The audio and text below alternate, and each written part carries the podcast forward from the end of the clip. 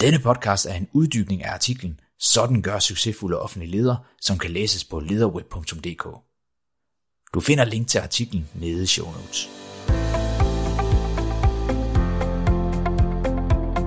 Mit navn er Karen, og du lytter til Digitalisering i virkeligheden. En podcast, der giver dig konkrete svar på, hvad du kan gøre som offentlig leder, hvis du gerne vil stå stærkest muligt i en mere og mere digital virkelighed.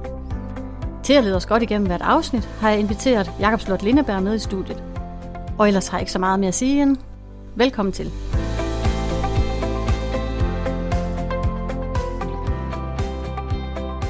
Jamen, øh, Karen, skal vi ikke lige starte med at fortælle lytterne, hvad, de kan, hvad vi kommer ind på i det her afsnit? Jo, først vil jeg jo lige sige, at det her er det tredje afsnit ud af en serie på fem. Så hvis du ikke har hørt de første to afsnit, så vil jeg helt klart anbefale dig at høre dem først. Og de er skide gode. Det er de nemlig. Ja. Så hør endelig dem. Ja. så, øh, så i sidste afsnit, der havde vi meget fokus på at tale om borgeren, og hvordan sætter vi borgeren i centrum for de digitale løsninger, der bliver udviklet. Men i det her afsnit, der øh, kan du så høre om, hvordan du inddrager dine medarbejdere i de digitale projekter, og du kan også høre om, hvordan du arbejder med forandringer i din personalegruppe. Mm. Så man kan sige, at hvor vi i sidste afsnit havde fokus rettet meget udad mod borgeren, så vender vi i det her afsnit blikket lidt mere indad mod øh, din personalegruppe. Og øh, som leder, der, der, sidder du, eller der kender du helt sikkert til det her med, at forandringer det godt kan give nogle bølgeskulp i din personalegruppe. Det kan være en omorganisering eller fyring eller noget, som gør, at dit personale det reagerer. Og det sker også, når vi indfører de digitale forandringer.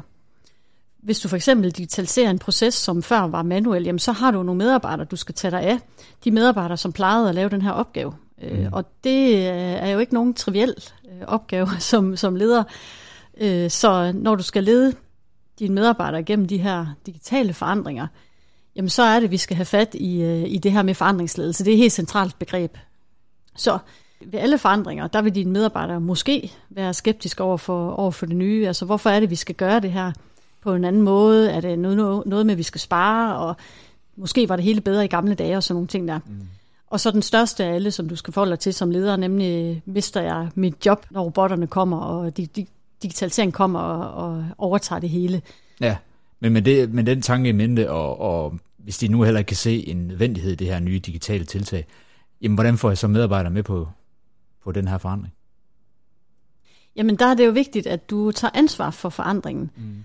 Og det ved jeg godt, at det kan nogle gange være svært, øh, hvis det digitale tiltag, det nu ikke er groet i din baghave. Altså rigtig mange digitale tiltag, de kommer jo oppefra eller udefra. Det kan være din forvaltning, eller din IT-afdeling, eller nogle fællesoffentlige systemer, som egentlig bare bliver hældt ud over, over jer. Men det er stadigvæk din opgave som leder at kommunikere øh, fordelene ved, ved det nye. Og så synes jeg også, du skal give noget feedback til, til dem, som kommer med systemet. Det er sådan lige en lille, en lille bi, biting i, uh, i, i, den her, i den her sammenhæng. Mm. Men altså give noget konstruktiv feedback tilbage i systemet. Giv dem noget, de kan arbejde med, fordi det er jo, øh, det er jo dig og dine medarbejdere, der ved, hvordan tingene fungerer ude i virkeligheden. Øh, og det skal du gøre, også selvom det måske er et meget stort system, der kommer oppefra. For eksempel Aula, Jeg afbryder lige Karne her for at give en forklaring på, hvad Aula det er, da det bliver nævnt flere gange i dette afsnit. Og det er specielt relevant for dig, der ikke har børn i skolealderen for. For Aula det er en kommunikationsplatform for medarbejdere, forældre og elever på landets folkeskoler, SFO'er og dagtilbud. Og det er altså en platform, der afløser det tidligere skoleintra. Nå, lad os hurtigt komme tilbage til Karen igen. Hvis det nu var Aula, jamen så må din, der kan du godt sidde og føle, at din stemme måske ikke så nemt bliver hørt i øh, den her digitalisering. Men det kan godt være, at du alligevel kan påvirke den måde, som Aula bliver implementeret på ude på din institution. Og der synes jeg jo, at du skal tage ansvaret på dig som leder. Og så tænke i, jamen, hvordan designer jeg den gode proces, som kan rumme mine medarbejdere? Hvad er det, de har brug for? Mm. Øh, og så husk igen, at det, der kan synes som en lille forandring for dig, godt kan være en stor forandring for dine medarbejdere. Øh, at der kan være nogle følelser på spil, som man ikke lige kan tegne ind i en, øh, i en projektplan. Og øh, jeg var lidt inde på det i, allerede i det første afsnit i den her lille miniserie, at det her med, at det er vigtigt, at man ikke forveksler en lille teknisk forandring, at det også er en lille menneskelig forandring. Og der kunne jeg tage øh, indførelse af RPA, altså software, software-robotter, som et eksempel på det her, at det er jo en forholdsvis enkel teknisk løsning, at få en robot til at flytte nogle data mellem dine systemer. Men for den medarbejder, som før sad og udførte den her opgave, der kan det godt føles som en meget stor forandring, fordi hun kan være bekymret for, hvad skal hun nu bruge tiden på? Risikerer jeg at blive fyret? Det var godt nok en, øh, en lidt øh, triviel og rutinepræget opgave, det her med at flytte data fra et system til et andet. Men det var faktisk også den her mentale pause, som øh, jeg som medarbejder havde brug for i løbet af, dagen. Så øh, jeg synes, der er noget i, i det, at når vi nu giver rutineopgaverne til maskinerne, så der kun er de svære, komplicerede opgaver tilbage, så gør det også noget ved os som mennesker. Og, øh, og det er jo også øh, derfor, det mener jeg, kan, er så svært at kapitalisere, altså at lave nogle besparelser på baggrund af digitalisering. Ja, hvis jeg lige må bremse der, altså ser vi, øh, ser vi for meget digitalisering som besparelser, og, og er det forkert at se det på den måde? Øh, ja og nej. Altså, jeg, jeg synes, vi ser for meget digitalisering som besparelser. Nu er vi inde og røre ved det her med, hvordan du kommunikerer som leder, og hvordan du arbejder med forandringer. Øh, og der synes jeg, vi skal passe på med retorikken. Hvordan er det, vi talesætter de digitale løsninger, at vi ikke gør det til spareprojekter. Øh, jeg kan komme med et eksempel, hvis, hvis du nu har Bente, der, der sparer 15 minutter dagligt, fordi hun nu ikke længere skal flytte de her data fra det ene system til det andet, fordi nu er der en robot, der gør det øh, jamen så kan det godt være, at øh, der sidder nogen med regneark inde på, på forvaltningen, forvaltningen og tænker, hey, hvis der nu er 30 bender, og de alle sammen sparer de her, øh, det her kvarter om dagen, så svarer det faktisk til en fuldtidsstilling. Og vupti, så tager vi da lige den, øh, den stilling fra din afdeling, den normering fra, fra din afdeling. Mm. Men problemet er, at du kan ikke bruge Bentes 15 sparede minutter til ret meget. Og du kan heller ikke bruge alle Benders sparede minutter til noget. Fordi øh, Bente, hun er ikke et regneark, hun er et menneske. Så når der er en opgave, der som her forsvinder, øh, så bruger vi måske lidt længere tid på en anden opgave. Det kan også være, at øh, Bente, hun har fået, i mellemtiden har fået nogle nye opgaver, som faktisk øh, presser hende lidt. Så hun ved godt, hvad hun skal bruge den ekstra tid til. Det er hun faktisk slet ikke i tvivl om. Øh, så vi kunne prøve at spørge hende. Desuden så er det jo, altså det er så lidt tid, vi taler om for den enkelte. Det giver ikke mening at putte det ind i et, et regneark og slå to streger under og sige, nu har vi, nu har vi sparet så og så meget. Så, så jeg er bekymret for, at den her jagt på bundlinje og, og meget øh, målbare gevinster, at det har gjort, at der faktisk er mange, som er bekymret for at gå ind i digitaliseringsprojekter. Og jeg tror, at det er meget at den frygt, som mange, øh, som dine medarbejdere måske reagerer på, hvis de udtrykker modvilje mod noget nyt mm. digitalt. Og det, det er fordi sidste gang, der, der medførte det besparelser i en afdeling for eksempel, eller der var måske en, der blev fyret af deres kolleger. Så, så derfor synes jeg, at det er en meget, meget skidt ting, at øh, vi med digitalisering mange steder primært argumenterer for det som, som spareprojekter, og nu skal vi være mere effektive. Det gør noget ved os som, som mennesker i forhold til at gå ind i den forandring. Så jeg hørte dig lidt sige, at vi skal igen tilbage til den lidt humanistiske tankegang, som vi også var inde på i de forrige afsnit. Men hvordan skal vi så bringe det ind i kommunikation? Hvordan skal vi så kommunikere det?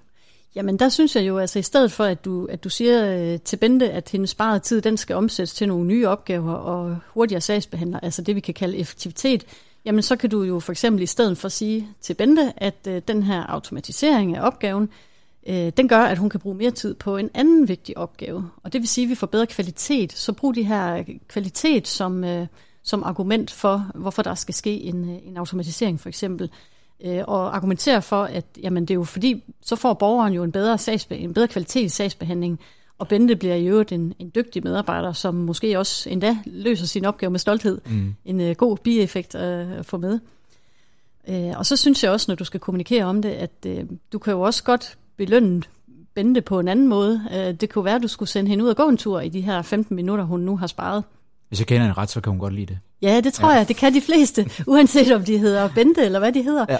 Så, øh, så tænker jeg, fordi igen tilbage til, at, at mange af de her rutineprægede opgaver, det er faktisk det, der giver dine medarbejdere en mental pause i løbet af, af dagen, hvor de, hvor de ikke hele tiden, der er ingen mennesker, der kan holde ud og sidde med komplicerede opgaver en, en hel dag. Mm. Øhm, så, så hvis du kan give Bente den her mentale pause ved at sende hende ud og gå i 15 minutter, så får du oven købe, så får du en, en glad medarbejder, og du får også en sund medarbejder.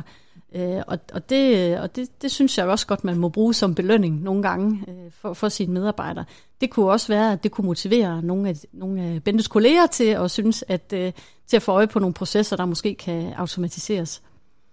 Så, øh, så jeg synes, det her med at kommunikere, der er det vigtigt, at, øh, at du får, får, får sagt og får i tale rigtig mange gange, at, at målet altså ikke er at gøre bestemte medarbejdere overflødige, men det er rent faktisk at bruge deres kompetencer bedre og mere effektivt, så at vi får frigivet tid til at løse de komplekse opgaver, eller så vi får frigivet tid til, at vi kan få en, øh, en daglig gåtur for eksempel, øh, eller hvad det nu kan være.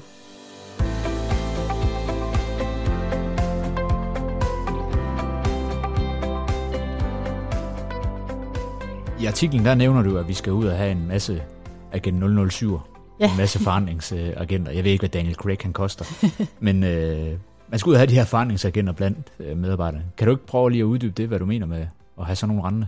Jo, jeg synes, det kunne være fint at have Daniel Craig rendende rundt i, øh, i alle kommuner og regioner. Fyr. Han er en super flot fyr, så det, det tror jeg faktisk mange borgere, de vil sætte stor pris på. Ja, det tror jeg også. Jeg tror, det kunne noget. det, det kan noget, ja. Ja, det kan noget, ja. ja, ja. Men øh, nej, når jeg snakker, øh, det, det jeg bruger som forandringsagent her som begreb, øh, det er jo ikke, fordi det er en bestemt stilling eller en titel, som du har ude i din personalegruppe. Men du har helt sikkert en eller måske flere medarbejdere, som er nogle kulturbærere for forandringer. Øh, det er hende eller ham, som er motiveret af udvikling, som ikke synes nødvendigvis, at forandringer er, er trælse, mm. øh, hvis bare de ellers bliver respekt, implementeret med respekt for, for medarbejderne og sådan noget. Og, og du kender dem godt, de her medarbejdere, fordi de findes øh, i alle organisationer.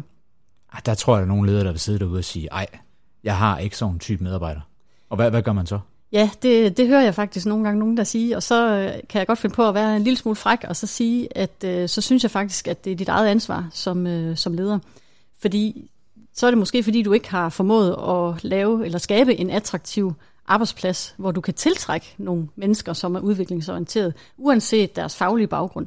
Så hvis du har de her medarbejdere, som er udviklingsorienteret, så kan du sørge for at få det, så kan du rekruttere, sørge for din rekruttering, tiltrækker øh, de her mennesker. Mm. Og så synes jeg også, at du skal spørge dig selv, om, øh, om du har mulighed for at skabe en kultur, hvor nogle af de nuværende medarbejdere rent faktisk går hen og bliver udviklingsorienteret.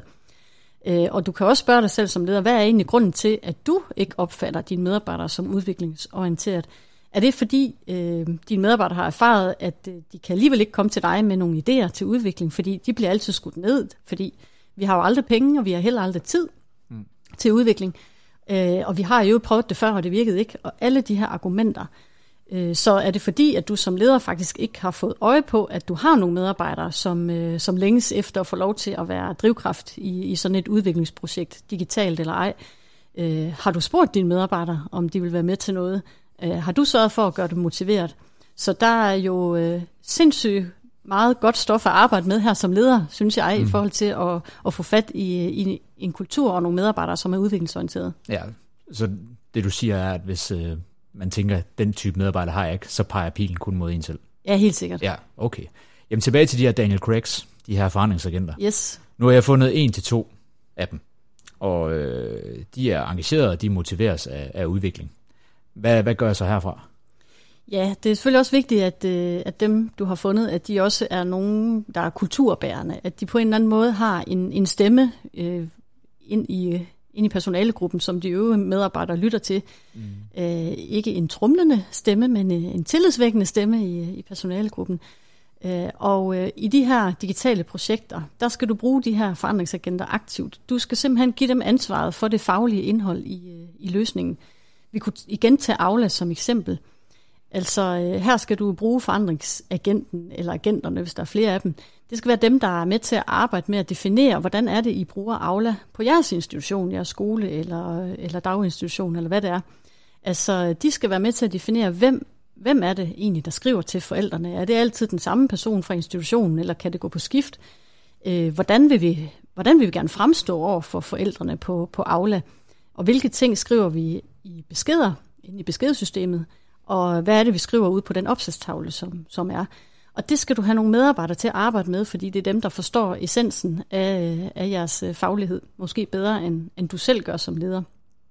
Så man kan sige, at fordelen ved at have de her medarbejdere forandringsagenter inddraget meget direkte, det er dels, at du får de her faglige inputs, som er utrolig vigtige for at få lavet den, den gode digitale løsning, der fungerer i virkeligheden. Mm.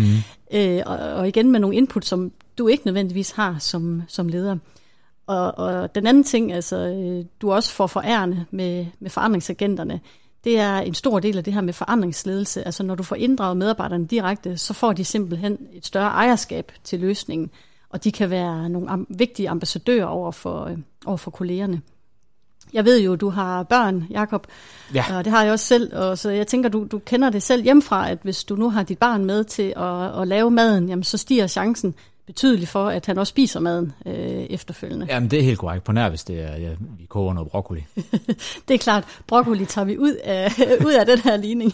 Ja, men, men så kender jeg godt til med, at hvis de er sammen med, øh, altså hvis de er sammen med mig skaber et eller andet resultat, som i den her situation så vil være madlavning, jamen, så er der også større chance for, at de spiser det. Ja, præcis. Og, og det samme gør sig gældende for, for din medarbejdergruppe, at hvis mm. de er med til at definere løsningen, så er der også større chance for, at de, øh, de tager den til sig og har mm. lyst til at arbejde med den efterfølgende.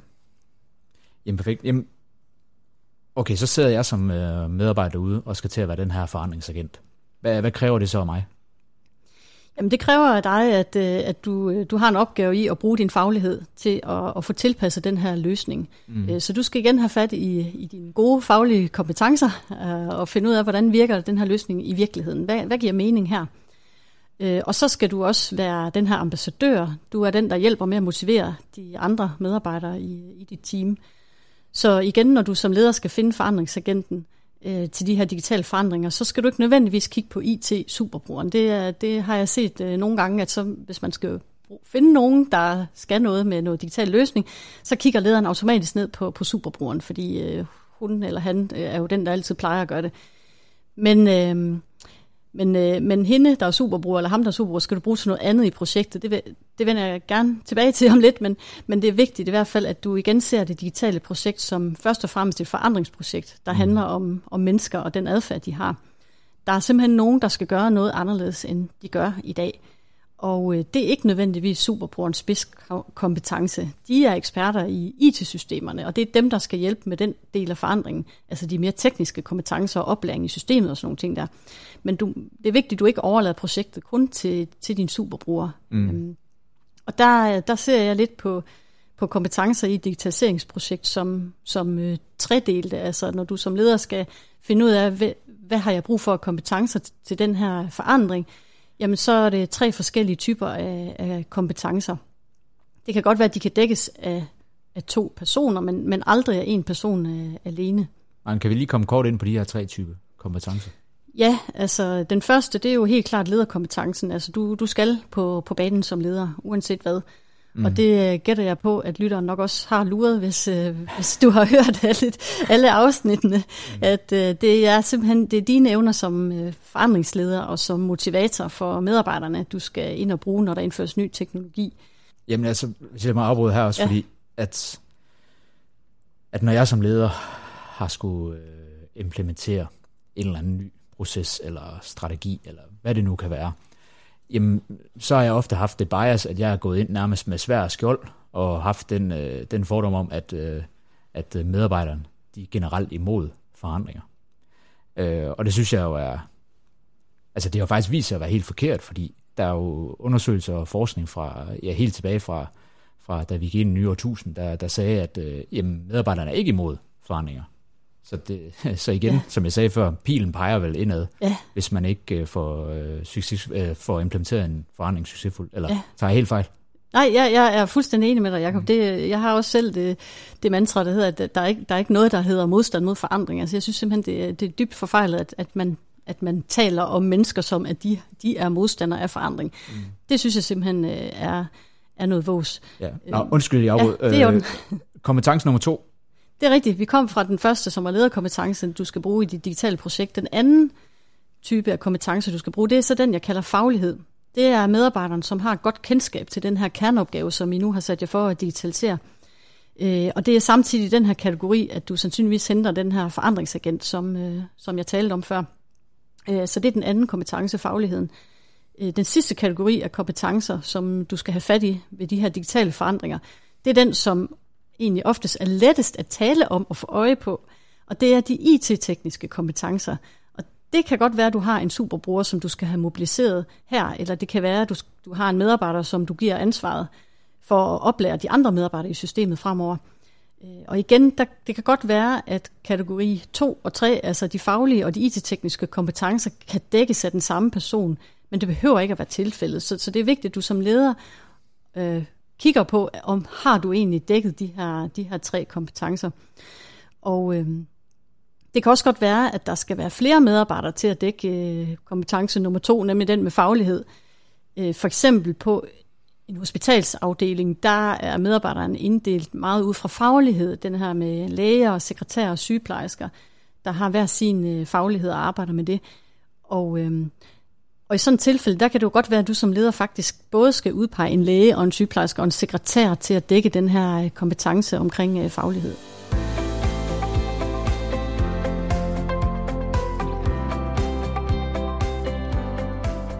På hvilken måde adskiller det her sig fra almindelig forhandlingsledelse, når vi, når vi taler om digitaliseringsprojekter?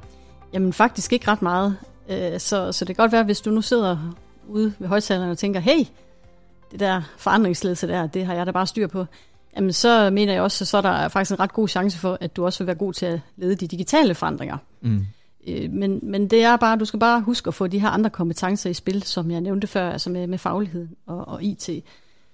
Men når det så er sagt, så øh, mener jeg også, at der er nogle elementer i de digitale projekter, som ændrer de vilkår, der er for den måde, du bedriver din forandringsledelse på.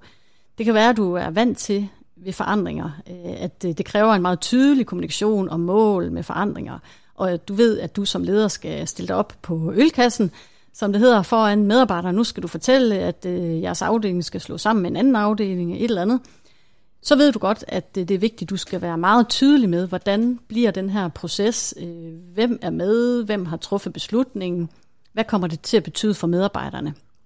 Alle de her ting skal du kunne svare på. Og det er måske den type kommunikation, du er vant til at, at lave i, i forandringsprocesser. Men problemet er bare, at med mange digitaliseringsprojekter, der er målet ikke kendt på forhånd. Og processen, det er faktisk noget, I finder ud af hen ad vejen. Mm.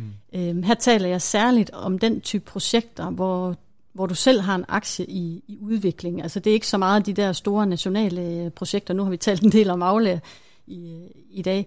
Øhm, så, men igen, hvis vi tager automatisering via øh, software-robotter, jamen her ved du ikke nødvendigvis på forhånd, om de arbejdsgange, du har tænkt dig at automatisere, om de egentlig overhovedet kan lade sig gøre, mm. om det giver mening. Så en del af projektet, det er jo, at I sammen finder ud af, hvad der giver mening at automatisere.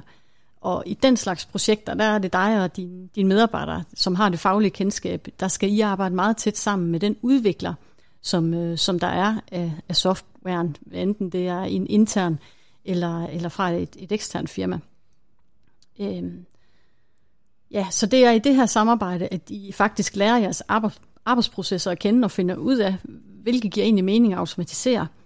Så, så det er derfor, at du ikke som leder fra starten af kan gå på ølkassen og fortælle dine medarbejdere, hvad projektet kommer til at betyde helt konkret. Og, og det ved jeg, det kan godt være ret angstprovokerende for mange ledere. Og det kan også godt give en utryghed for mange medarbejdere, at de ikke nødvendigvis øh, kan få svar på alle deres spørgsmål.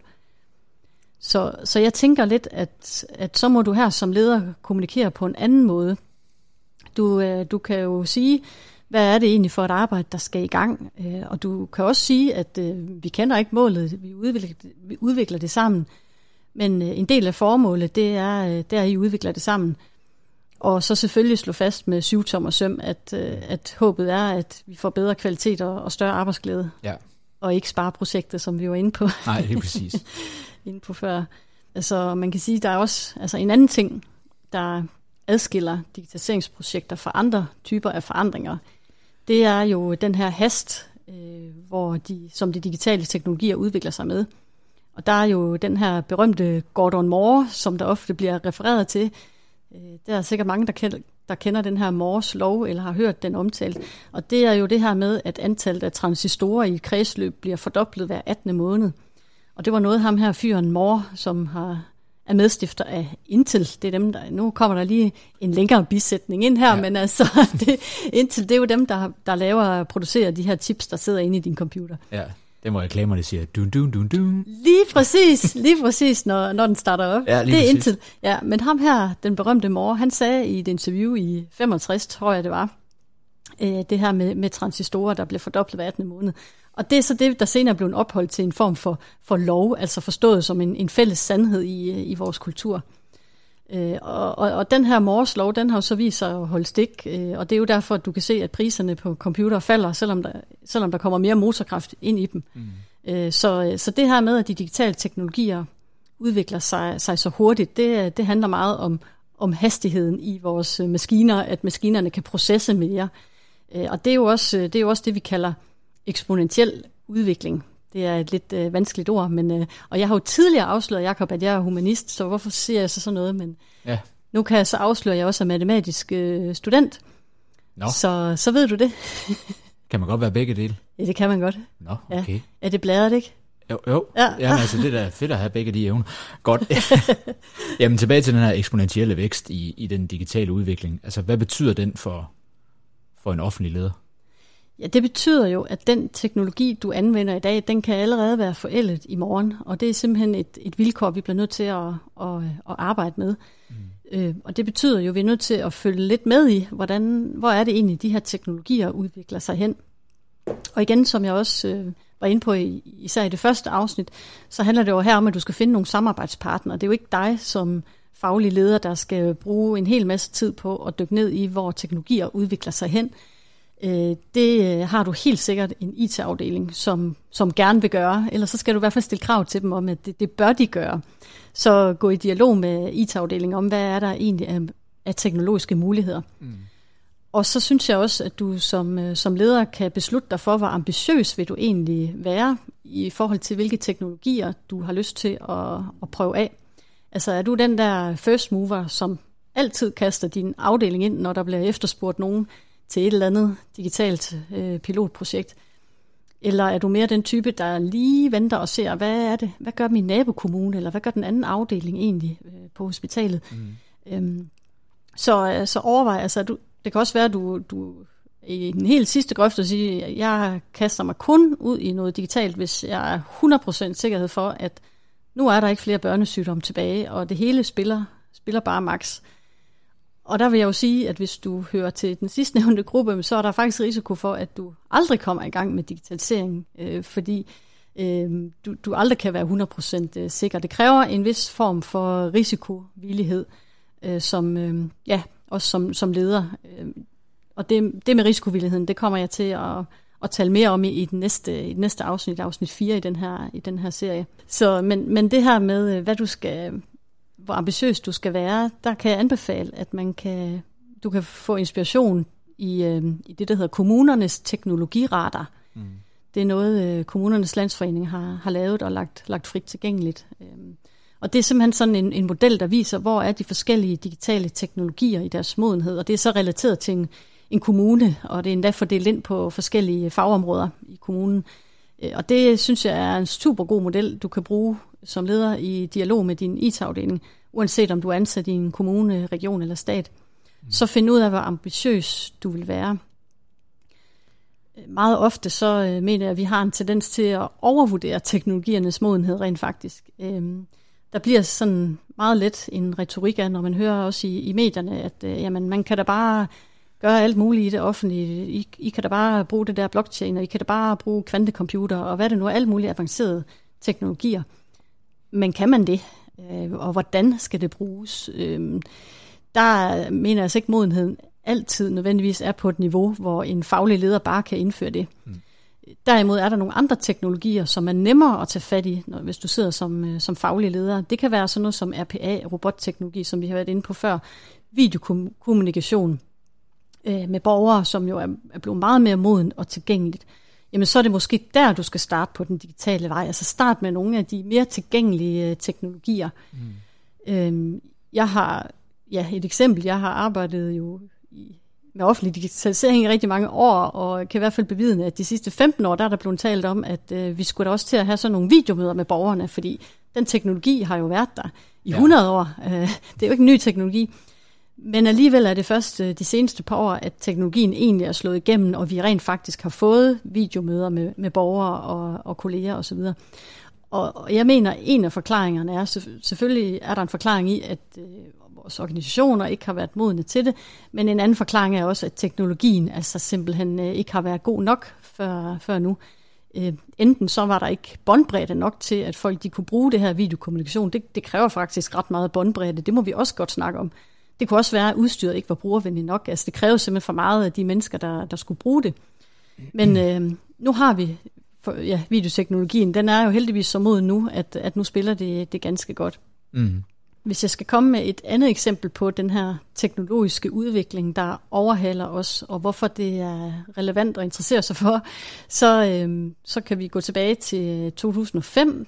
Der kom øh, rejsekortet nemlig i udbud. Åh, oh, det gode gamle rejsekort. Ja, som vi alle elsker at have, ikke også? Ja. ja. Og jeg hader egentlig også mig selv en lille smule for at hive det frem som et, som et dårligt eksempel. Men, men, men det, jeg egentlig gerne vil bruge det til at sige, det er, at... Øh, at da det kom i udbud i 2005, der var der nogle politikere og embedsfolk, de havde været over i London og kigge på det her fantastiske Oysterkort, som, som alle pendlerne brugte over i, i London. Mm. Og det var super smart, og det blev man meget inspireret af. Og det betød, at da man så skulle skrive det her udbud, som nogle leverandører skulle byde ind på, så skrev man meget detaljeret, at der, det skulle udvikles et system, som var baseret på en bestemt teknologi. Den teknologi, der hedder RFID, uden at jeg skal komme nærmere ind på det. Men, øh, og den, de skrev også ind, at der skulle være fysiske standarder på alle togstationer og i busser osv. osv., osv. Det blev simpelthen kravsat, og der skulle være et plastikkort og sådan nogle ting der. Mm. Det var i fem, men hvad var det nu, der skete i syv øh, inden for den teknologiske udvikling? Oh, ja, hvad skete der der? Ja, hvad var det nu, der skete? Der var jo simpelthen, det var der den første smartphone kom på markedet. Og du ikke, at jeg blev student? Blev du student der? Ja, der omkring, ja. ja. ja. Så, lad, så lad os sige det. Det var, Jakob blev student. Jakob blev student, og iPhone kom på, ja. kom på markedet. Oh, nå, det var det, du tænkte. Okay, det var det, ja. ja.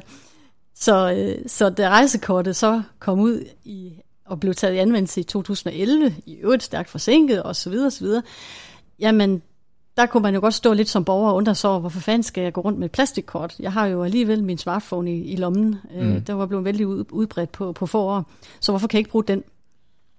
Så, så i stedet for, så skulle man måske have kravsat øh, løsningen lidt anderledes, og så givet leverandørerne mulighed for at vælge den teknologi, der egentlig passede bedst. Og det er ikke fordi, jeg siger, at det nødvendigvis har givet et andet resultat, men jeg bruger egentlig bare det her eksempel på at fortælle, hvorfor den her hurtige udvikling i teknologierne har, har en betydning for, hvilke løsninger vi får udviklet. Ja, det er jo helt vildt, at der på så kort tid, altså så kan det, den øh, digitalisering, altså rejsekortet, at det allerede kan være, der er allerede noget, der har overhældt det ja. efter så få år, ja, hvor man præcis. tænker, wow, det er da en smart ny teknologi. Mega smart, ikke? Ja. ja. Øh, det var heller ikke andet end 10 år siden, man brændte se det. det er utroligt. ja. Nå, jamen, øh, Karna, nu har vi jo været inde på, øh, hvad er din rolle som leder, som medarbejder, og, øh, og lidt omkring, øh, hvor hurtigt teknologien den går, digitaliseringen den går. Kan vi ikke lige give lytterne tre, tre key points for det her afsnit, som de ligesom kan tage, som du synes er de vigtigste pointer her for det her afsnit? Jo, den første det er, at øh, du skal påtage dig rollen som forandringsleder mm. og, og tage det seriøst. Øh, også selvom du måske synes, det er en, en lille forandring, for det er det ikke nødvendigvis for, for dine medarbejdere. Mm. Så husk det her med ikke at forveksle en simpel teknisk forandring med den menneskelige forandringsproces. Mm. De kan være helt forskellige. Øh, den anden ting, jeg vil fremhæve, det er øh, pointen om at finde de her udviklingsorienterede mennesker. Jeg har kaldt dem forandringsagenter her. Ja. Øh, så nogen, nogen, som motiverer sig udvikling. Det er, det er den anden, det er utrolig vigtigt. Og øh, den tredje pointe, det er, at jeg synes, du skal beslutte dig for, hvor ambitiøs du egentlig vil være med din, din, din digitalisering. Øh, det kan du godt inden for dit eget øh, område, dit eget mandat som leder, kan du godt beslutte dig for, hvor vil jeg egentlig være? Er jeg first mover, eller hvad, hvad, hvor er jeg henne? Hvilke teknologier øh, tager jeg fat på og, og, og leger med? Så ja, så det er de tre ting, jeg vil fremhæve fra, fra det her afsnit. Tak fordi du lyttede med. Hvis du vil vide mere om digitalisering i virkeligheden, kan du gå ind på min hjemmeside, polskonsult.dk eller du kan melde dig ind i den lukkede Facebook-gruppe, der hedder Digitalisering i virkeligheden. Du er også meget velkommen til at abonnere på den her podcast, fordi så får du nemlig automatisk besked, når der kommer nye afsnit. Og så vil det selvfølgelig glæde mig utrolig meget, hvis du vil lægge en anmeldelse i den podcast-app, som du bruger. Til sidst vil jeg bare sige, at jeg håber, vi lyttes ved, og have nu en fantastisk dag.